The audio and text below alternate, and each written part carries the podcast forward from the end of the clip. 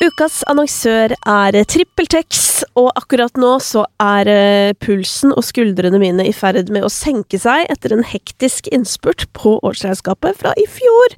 Fordi, ja, selv om alt ligger til rette for meg sånn at jeg enkelt kan holde styr i papirer og regnskap og den slags, så er det liksom alltid bitte litt som henger igjen sånn helt på tampen av året. Men heldigvis så har jeg nå tatt en skikkelig sjau og funnet alt som mangla av kvitteringer, sendt det rett inn i TrippelTex, og så er det altså orden på sakene. Og det som er så utrolig deilig, jo, er jo at sånn hvis man har eksempel hjelp av en regnskapsfører, eller at vi er flere som på en måte jobber i regnskapet, så er det liksom så greit, fordi alt er tilgjengelig for alle. Så nå eh, driver jeg da og lener meg tilbake mens eh, de andre ferdigstiller og holder på, og det er deilig. Og så vet jeg jo at jeg har sjansen til å være enda bedre i 2024 og få enda litt mindre å gjøre et år fra nå, hvis jeg bare bruker TrippelTex-appen og gjør alt som ligger altså og venter på meg for å gjøre livet mitt lettere. Hvis du også har lyst til å teste og få deg et lettere regnskapsliv, så kan du prøve TrippelTex to uker gratis ved å gå inn på trippeltex.no gratis. Da har det blitt 7. desember, og det er klart for å åpne den syvende luken i årets beste julekalender, levert av meg da, til deg. Altså, det er så hyggelig med den julemusikken i bakgrunnen her. At jeg blir sånn Herregud, hvorfor har jeg ikke alltid en sånn trivelig julesang på starten? Eller det er fordi det ikke alltid er jul, da, så hadde det selvfølgelig blitt litt slitsomt òg. Men fy søren, jeg syns det er ekstra hyggelig eh, at det er en sånn eh, liten trall på starten her sånn. Og nå skal vi inn i en helt annen type trall, eh, som også er på en måte en litt koselig trall. Um, I går så beveget jeg meg jo ut i det store utland, og der skal vi også bli for dagens luke. Uh, vi skal til en låt som på mange måter nesten føles 20 år gammel, på en måte. Den kunne vært gitt ut uh, for lenge, lenge siden.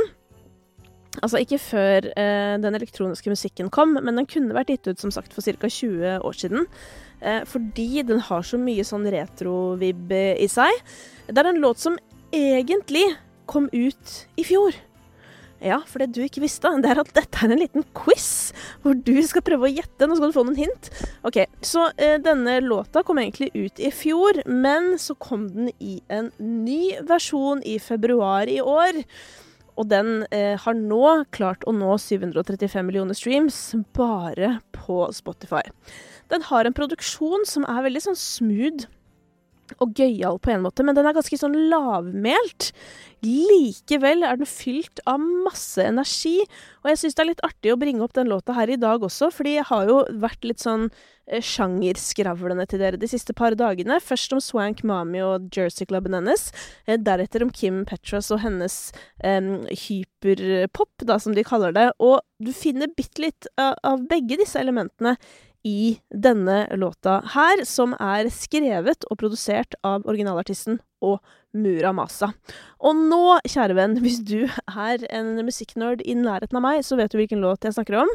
Uh, og hvis ikke, så var det jævlig irriterende å få en så lang quiz. Det skjønner jeg, på veien inn i avsløringen om at i luke nummer syv i dag så finner vi Pink Pantress og Ice Spice med Boys a Liar Part 2. Altså, det er så mye bra med den låta der, og det er jo Jeg tror det var Pink Panthers selv som sa sånn at siden de begge er eh, Gen Zs, vokste opp på internett, holdt på å si, så eh, har de masse til felles, på tross av at de liksom kommer fra vidt forskjellige steder. Eh, og Pink Panthers, hun klarte jo også å få ganske mye shine på TikTok, eh, før denne tid også, da hun drev og promoterte mixtapen sin To Hell With It. Og som eh, noen av dere vet som har hørt på meg skravle gjennom ja, det siste året, eller de siste åra, eller hva det måtte være, så er jeg jo veldig svak for denne, eh, hva skal jeg si, tilbakekomsten av eh, elektronisk musikk fra de seneste tiår. Det være seg litt sånn drum and bass-inspirert, eller Jersey Club, eller hva det er. Også at det i tillegg er litt sånn soveromslyd på det. Og da mener jeg ikke liggelyder, men da mener jeg litt sånn soveromsprodusentlyd, og Muramasa var jo en av de som starta, starta det på den måten, på en måte, men som selvfølgelig har fått veldig stor suksess siden. Det er for øvrig også jævlig gøy når jeg husker da jeg oppdaget Muramasa, og jeg var helt sånn Spilte eh, låtene så sjukt mye ute. Og det å på en måte se folk gå fra å være liksom eh, produsenter som lager sin egen musikk, og som reiser rundt og DJ-er på mindre steder for å presentere den musikken, til å da bli eh, produsenter for svære artister verden over. Og sånn er det jo gjerne, nettopp fordi de hippe produsentene som lager den fete musikken folk begynner å legge merke til, ja, det er jo de produsentene som også eh, store gjennombruddsartister etter hvert vil ha, fordi de vil ha den kule sounden. Um, og nå er jo Pink Panthers og Ice på en måte de er jo, Her er det jo på en måte de som er de unge og kule, holdt på å si. Men det er veldig typisk, føler jeg, at sånn etablerte artister eh, på en måte søker etter sånn Hva er det nye kule nå? Og det var jo Muramasa for noen år siden. Um, jeg må bare si at den, uh, den uh, låta uh, i, i, snakk om her, 'Boys a Liar', part two, den er kul i part én også. Det er bare, altså det er, det er, en av låtene som oppsummerer året, tenker jeg, i hvert fall for sikkert Gen Z, da, men også for meg som er millennial. Fordi det har vært en av de låtene jeg personlig har hatt mest i eh, headsetet mitt i løpet av året som har gått. Ice Spice har jo også hatt et helt sjukt år og bare eksplodert i størrelse. Og da mener jeg ikke bokstavelig talt, men i overført betydning.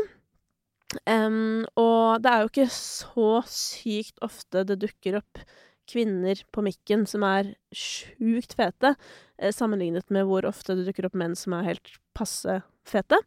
Eh, så jeg må si at eh, hennes store gjennombrudd i seg selv har jo vært noe veldig gøy som har skjedd i dette året her. Så det var luke nummer sju. I morgen er det bare å glede seg til mer. Da er det mulig vi skal tilbake til moderlandet, altså Norge. Jeg har jo mange favoritter dette året som er internasjonale, men det er et eller annet med at det er på en måte litt gøyere å snakke om det som er nære, ikke sant, det norske. Så um, Det jeg prøver å si, er at hvis Hvis jeg har gitt uh, en sang uh, åtte poeng, så, altså hvis jeg gitt to sanger åtte poeng, og den ene er norsk og den andre er internasjonal, så blir det den norske. Det var egentlig det jeg skulle frem til. OK, da tenker jeg det holder for i dag. Ny luke i morgen. Kose seg så lenge, og takk for at du hører på.